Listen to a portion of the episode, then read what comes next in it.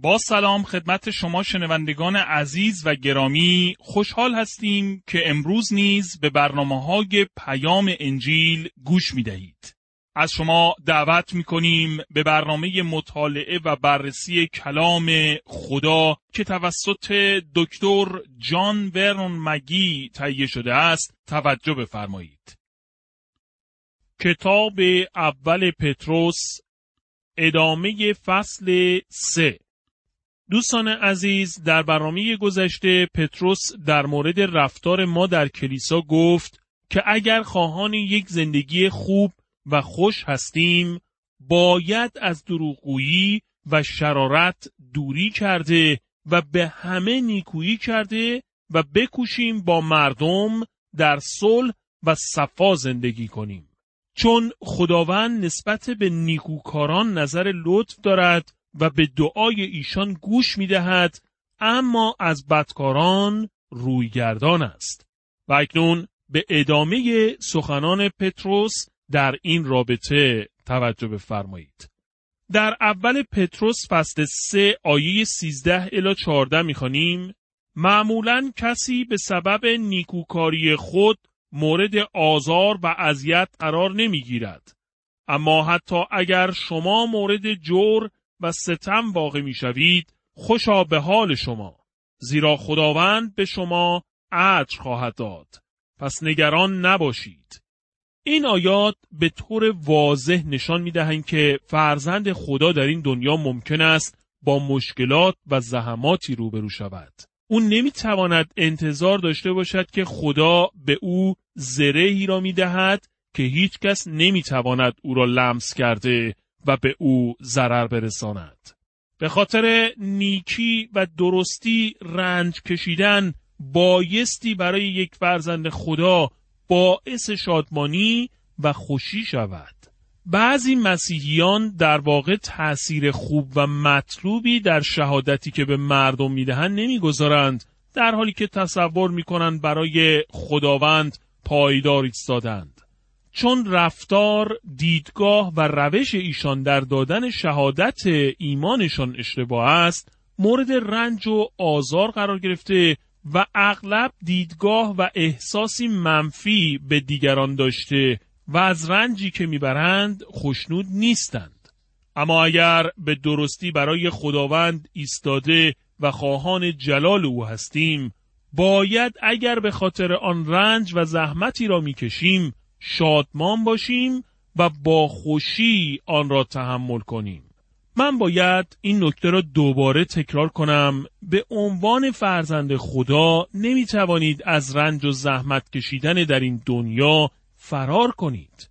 شخصی در این مورد گفته است عیسی اغلب درباره مسیحیت به عنوان یک جشن و مهمانی صحبت کرده و هرگز آن را به عنوان یک پیکنیک و خوشگذرانی معرفی نکرده است.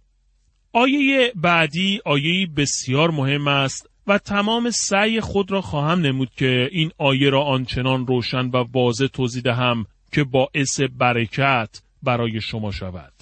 در اول پتروس فصل سه آیه پانزده می‌خوانیم بلکه با خاطری آسوده خود را به خداوندتان مسیح بسپارید و اگر کسی علت این اعتماد و ایمان را جویا شد حاضر باشید تا با کمال ادب و احترام به او توضیح دهید.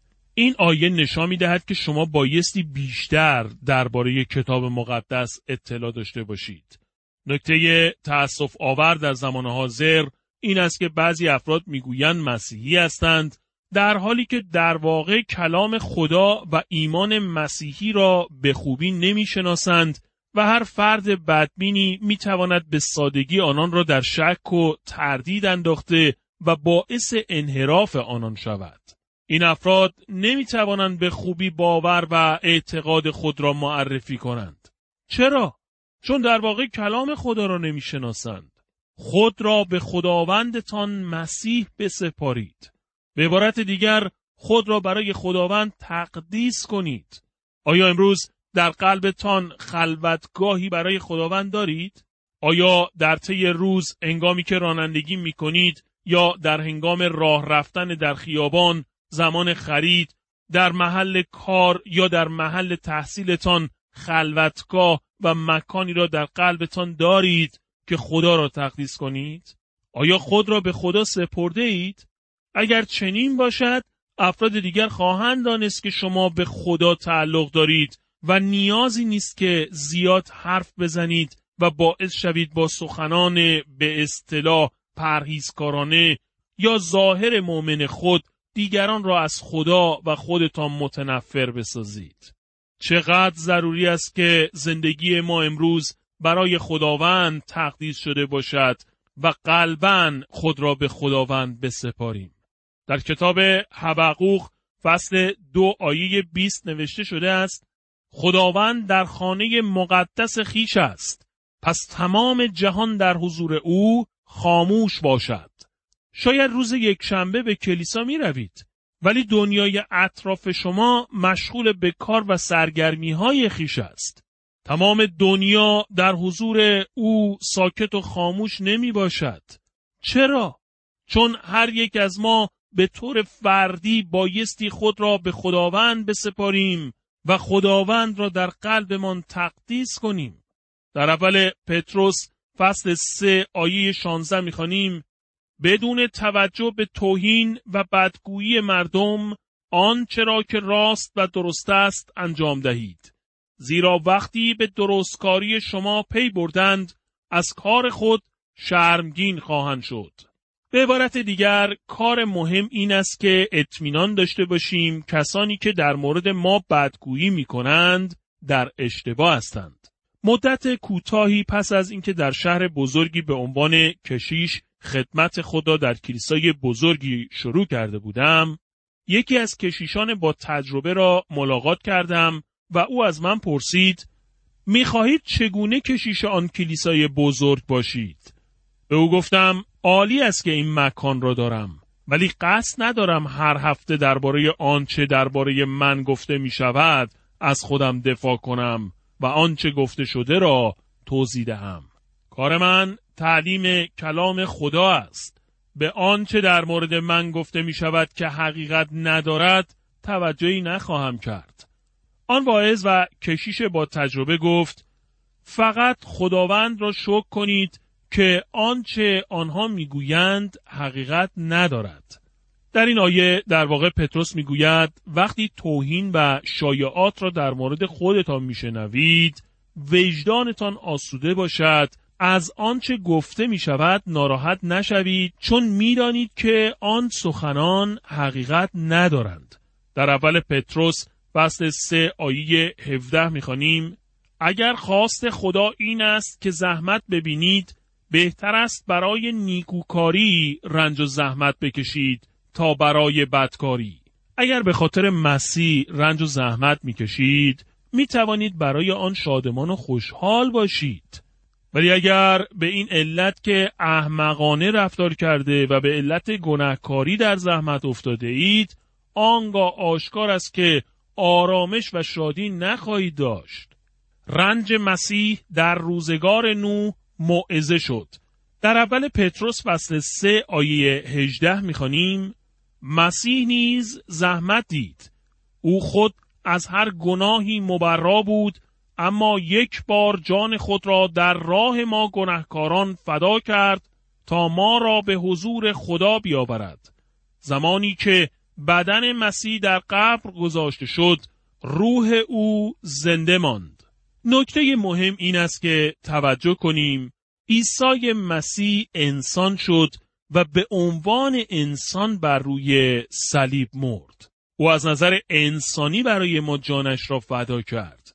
او بر روی صلیب مرد و روح القدس او را از میان مردگان برخیزانید. در اول پتروس فصل 3 آیه 19 الی 20 می‌خوانیم و این روح بود که نزد ارباه محبوس رفت و پیروزی خود را به آنان بشارت داد یعنی به روح کسانی که در قدیم در زمان نوح از خدا نافرمانی کرده بودند گرچه خدا وقتی نوح مشغول ساختن کشتی بود صبورانه منتظر توبه ایشان بود با این حال فقط هشت نفر از طوفان وحشتناک نجات پیدا کردند و غرق نشدند. آیه 19 توسط بسیاری از افراد به خوبی درک نشده و تفسیرهای اشتباهی درباره آن شده است. ولی مهم است که این آیه را در متن آن و همراه با آیه 20 تفسیر و بررسی کرد. مسیح چه زمانی برای ارباه محبوس موعظه کرد؟ در آن زمانی که خدا وقتی نوح مشغول ساختن کشتی بود صبورانه منتظر توبه ایشان بود. در زمان عیسی مسیح ارواح کسانی که نوح برای آنان موعظه کرده بود محبوس بودند چون آنان پیام نوح را رد کرده بودند آنها در حاویه یا عالم مردگان به سر می بردند. آنان منتظر داوری خدا بودند و نجات را دریافت نکرده بودند. ولی عیسی مسیح پس از مرگش بر روی صلیب به نزد آنان نرفت تا برای ایشان موعظه کند. او در واقع از طریق نوح برای آنان موعظه کرده بود در زبانی که خدا صبورانه منتظر توبه ایشان بود. نوح به مدت 120 سال کلام خدا را برای ایشان موعظه کرده بود. اما او فقط توانست خانواده خیش را نجات دهد. در روزگار نوح روح مسیح از طریق نوح با مردم سخن می گفت. کسانی که پیام نوح را رد کرده بودند در زمان عیسی مسیح محبوس و منتظر داوری خود بودند.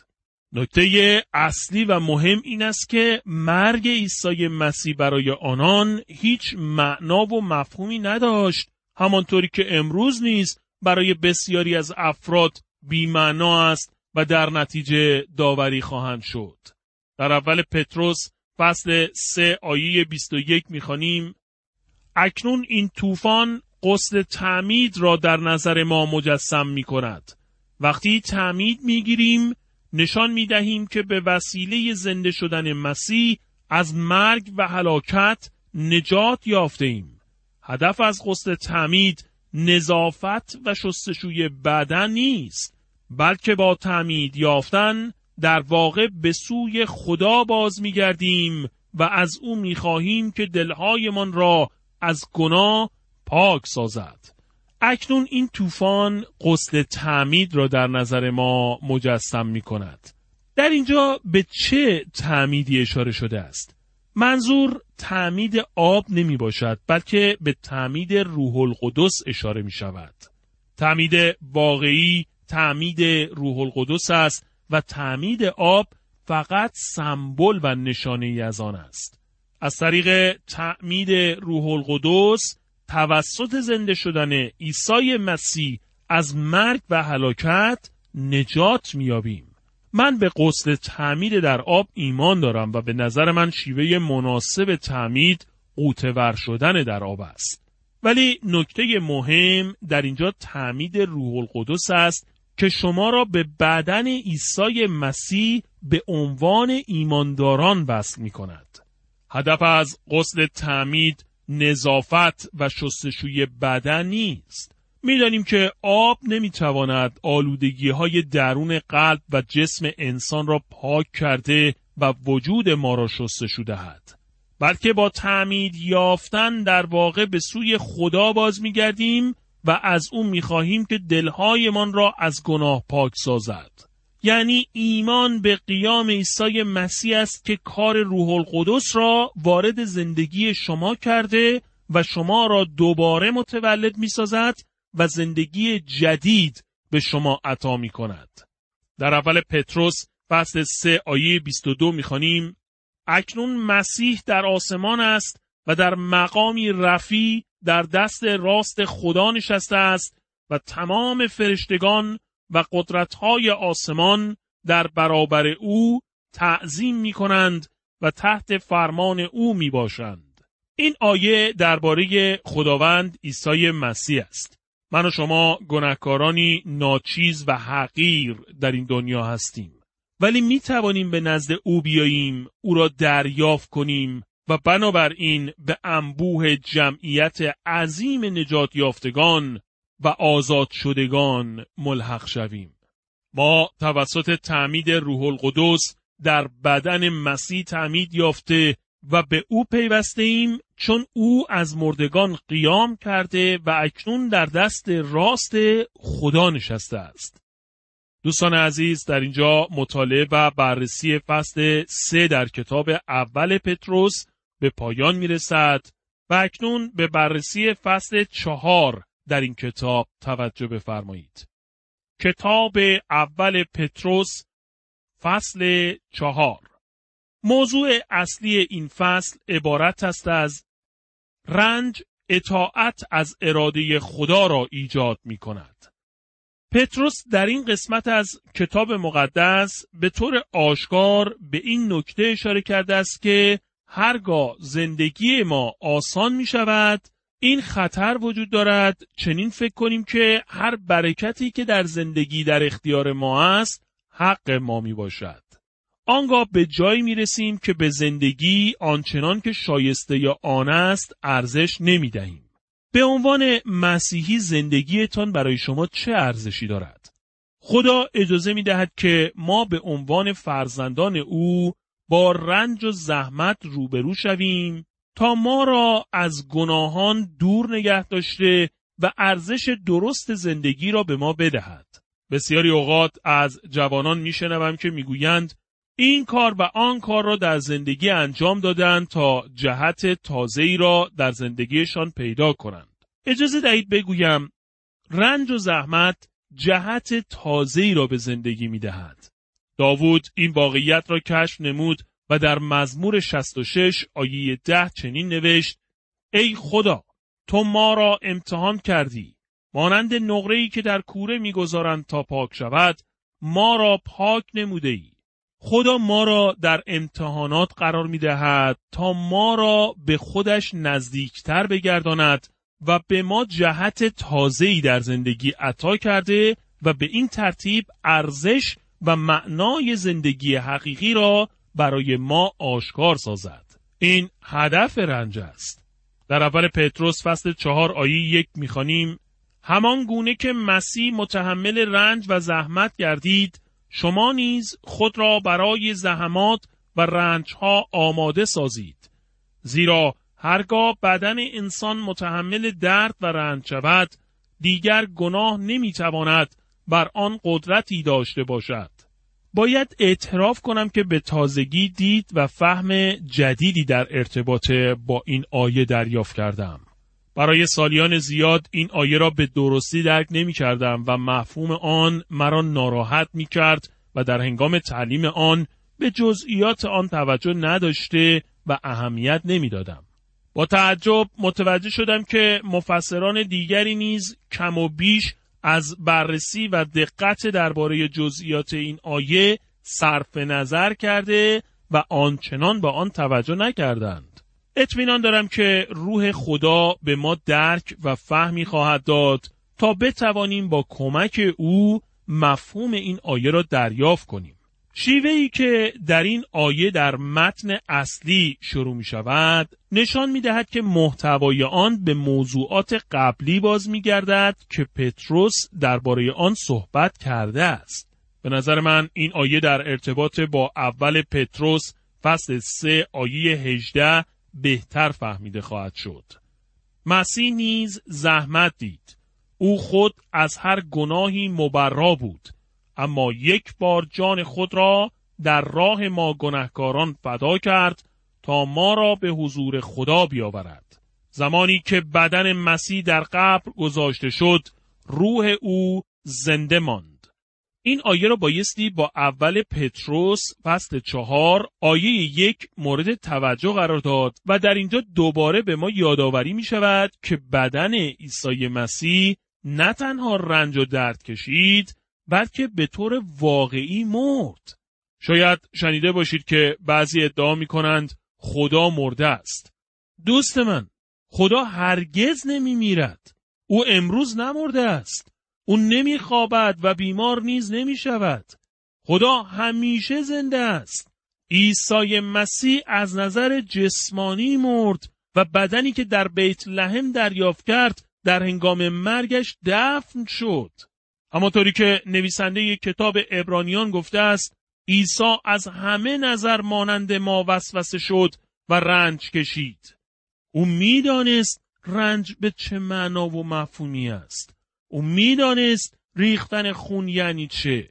او می‌دانست اشک ریختن به چه معنا است. او می‌دانست دلشکستگی یعنی چه. او به طور کامل یک انسان بود و بدن انسانی او مرد. وقتی عیسی مسیح بر روی صلیب مرد به گناهان انسان پایان داد چون او مجازات گناهان بشریت را بر بدن خود گرفت. در اول پتروس فصل دو آیه 24 چنین خواندیم او بر روی صلیب بار گناهان ما را بردوش گرفت تا ما بتوانیم از شنگ گناه رهایی یافته زندگی پاکی داشته باشیم. زخمهای او نیز دوای دردهای ما گردید. پتروس سه مرتبه یعنی در اول پتروس فصل دو آیه 24 فصل سه آیه 18 و فصل چهار آیه یک گفته است که عیسی مسیح توسط بدنش مجازات گناهان انسان را پرداخت کرد و این موضوع را باید بگویم که عیسی مسیح در گناه یا وضعیت گناه نمرد و او خودش گناهکار یا در اسارت گناه نبود بلکه او به خاطر گناه ما مرد. او برای آزادی از گناه مرد. او جایگاه من و شما را گرفت و مجازات گناه ما را پرداخت نمود. با توجه به این نکته و از آن زمان به بعد او دیگر نخواهد آمد تا برای گناهان ما بمیرد. او دیگر هیچ ارتباطی با گناهان ندارد به دلیل این واقعیت که از مردگان برخواسته است. او یک بار برای همیشه به خاطر گناهان ما مرد و از مردگان برخاست. وقتی او از مردگان قیام کرد بدن جلال یافته او برخاست. با توجه به اول پتروس فصل سه آیه 18 توسط روح قیام نمود. روح او زنده ماند. او اکنون در بدنی جلال یافته زندگی می کند. او در جایگاه آسمانی بدنی کاملا با شکوه دارد که در خدمت خداست چون او به تمام و کمال خداست و پوری خدا در اوست. او و خدا یکی هستند و حضور پرجلال او تمام خلقت را پر می سازد. اکنون عیسی مسیح می تواند به ما قدرت داده و به ما کمک کند.